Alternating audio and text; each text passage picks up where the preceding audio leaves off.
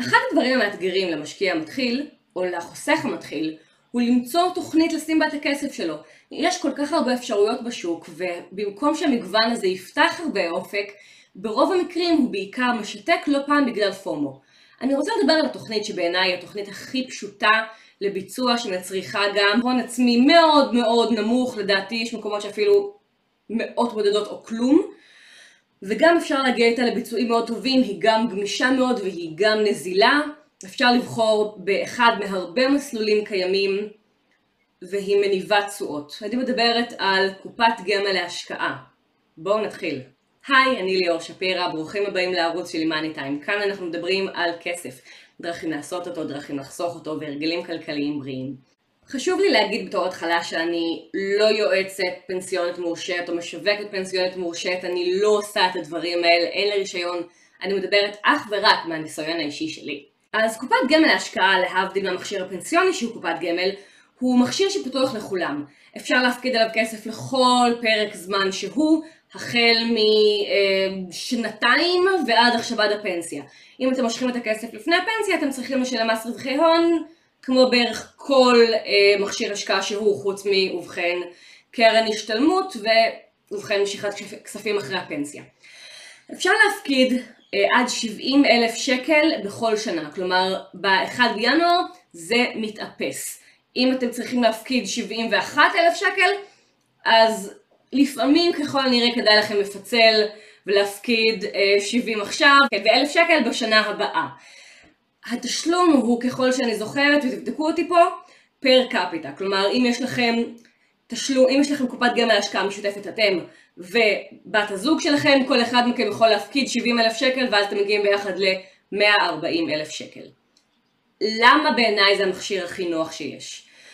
קודם כל כי אין לו אה, איזשהו, איזשהו מינימום להפקדה. נגיד בשביל לפתוח את תיק ההשקעות שלי הייתי צריכה לחסוך כמה חודשים כדי להגיע ל-20 אלף שקל ביחד עם עידן וזה הסיפור של כמה חודשים. קופת גמל להשקעה פתחתי גם עם 5,000 שקל והייתי יכולה לפתוח גם עם פחות מזה, לדעתי סכום הפקדה ראשוני יכול, הוא היה יכול להיות כמה מאות שקלים. חוץ מזה יש לכם הרבה מאוד מסלולים.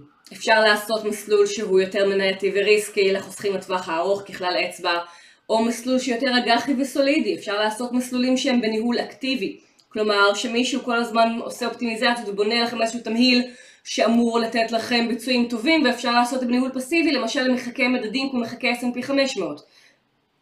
האפשרויות הן מאוד מאוד נרחבות ומינימום ההפקדה לא ממש קיים.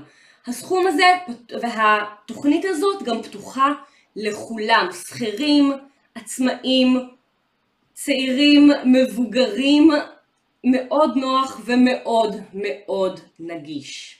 מתי הזמן הכי נכון לפתוח קופת גמל להשקעה? התשובה לזה היא עכשיו, ASAP. למה? שלוש סיבות.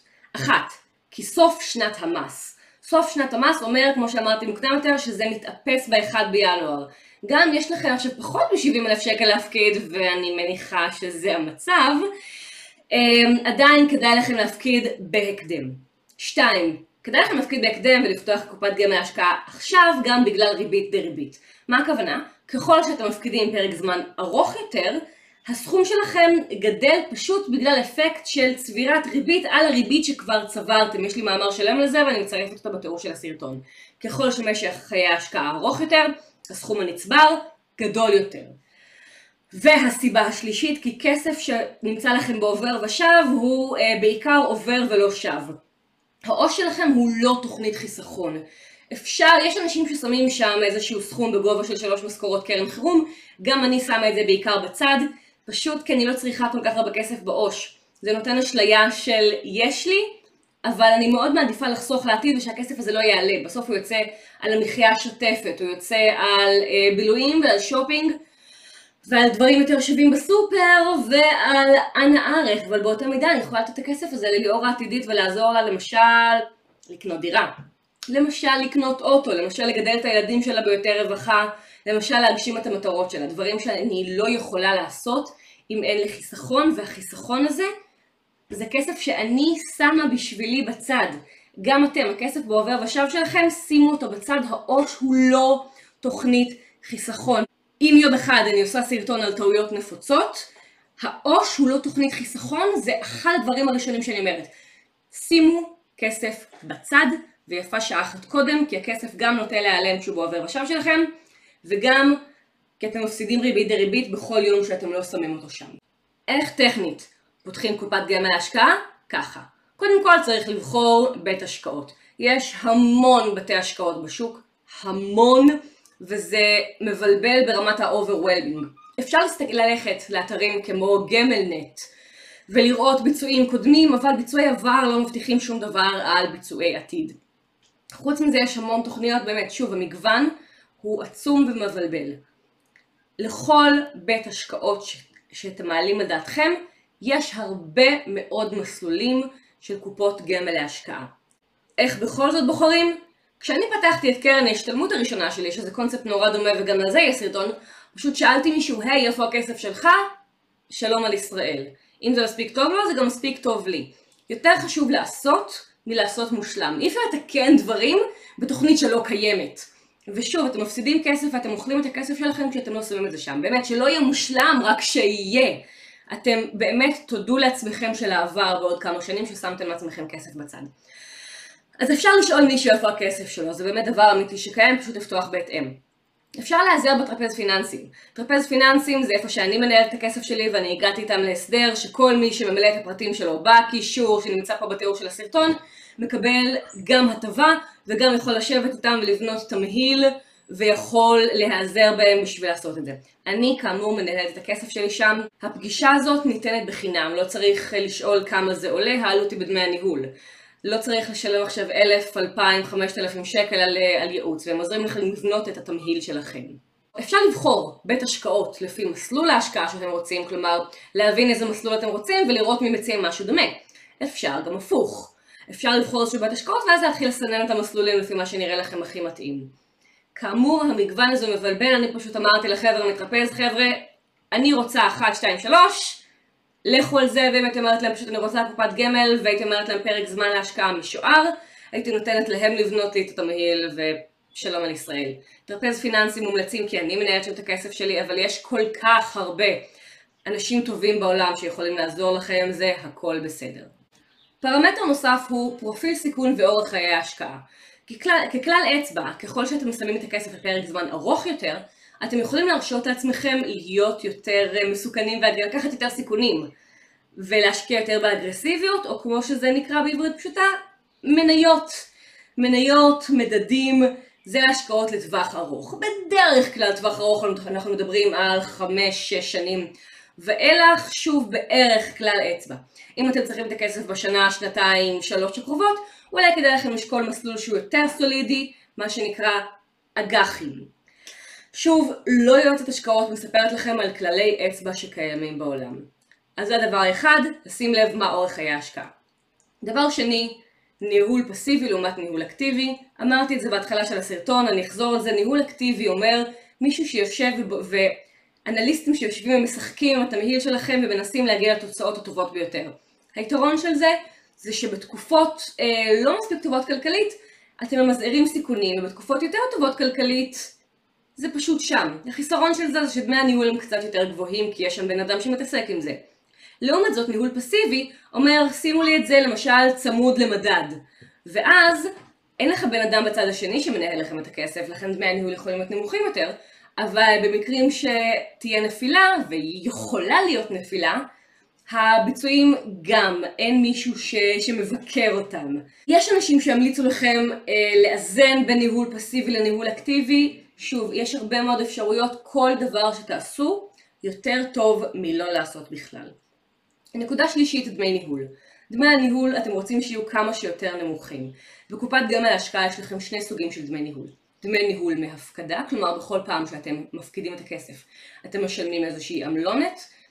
זה דומה גם כשקונים מניות אגב. והדבר הנוסף זה דמי ניהול מצבירה. כלומר, עם הצבירה אתם גם משלמים אחוז לבית ההשקעות, שוב, גם דבר שקורה אצלי כשאני קונה מחכי מדדים. זה דבר שקיים ואתם רוצים שזה יהיה כמה שיותר נמוך. כי דמי ניהול נחשבים הרוצח השקט של החסכונות, ולא סתם. עוד יתרון של קופת גמל להשקעה הוא שקל מאוד לתקן טעויות.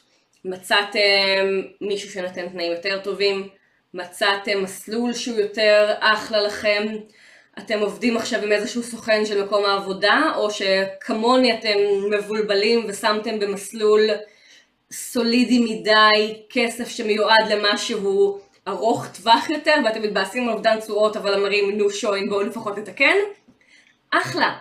קודם כל ניוד כספים, כלומר העברה ממסלול למסלול או מבית השקעות לבית השקעות, לא כרוך בעמלה, לא כרוך במס רווחי הון. פעם זה היה, היום זה לא המצב יותר. אפשר לנייד בחינם בפשטות, מי שעושה את זה הוא מי שמנהל לכם את הכסף. אתם עוברים בית השקעות, בית ההשקעות החדש דואג לנייד לכם את זה. אתם אה, מצאתם מסלול יותר אטרקטיבי וגיליתם שאתם הדרובים כמוני, מייל אחד, הסוכנת, נתנה לי טופס למלא, מילאתי אותו, סימנתי איזשהו וי וחתמתי, והכסף שלי הועבר למסלול אחר, זה נורא פשוט וזה בחינם. זה באמת, אני, שני דברים אני רוצה שתיקחו מהסרטון הזה, שלושה, אחת, קופת גמל להשקעה זה יופי של דבר, שתיים, להשקיע את הכסף אתמול במקום לתקוע אותו בעובר ושב שיזוז, שלוש, לתקן זה פשוט וזה חשוב. איך טכנית להפקיד כסף בקופת גמל להשקעה? שתי אפשרויות. האחת היא באמצעות הפקדות חד פעמיות ואז שליחת אסמכתה. מי שעושה, מי שמנהל לכם את הכסף ייתן לכם את הפרטים להעברה בנקאית, אל תדאגו, רק תוודאו שאתם שולחים את האסמכתה הזאת.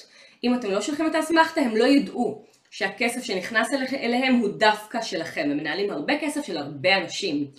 אז גם תעבירו בנקאית וגם תשלחו אסמכתה, ואני ממליצה גם להגדיל לעשות ולוודא אחרי uh, כמה ימים שבועות שהכסף אשכרה נכנס ושוייך אליכם.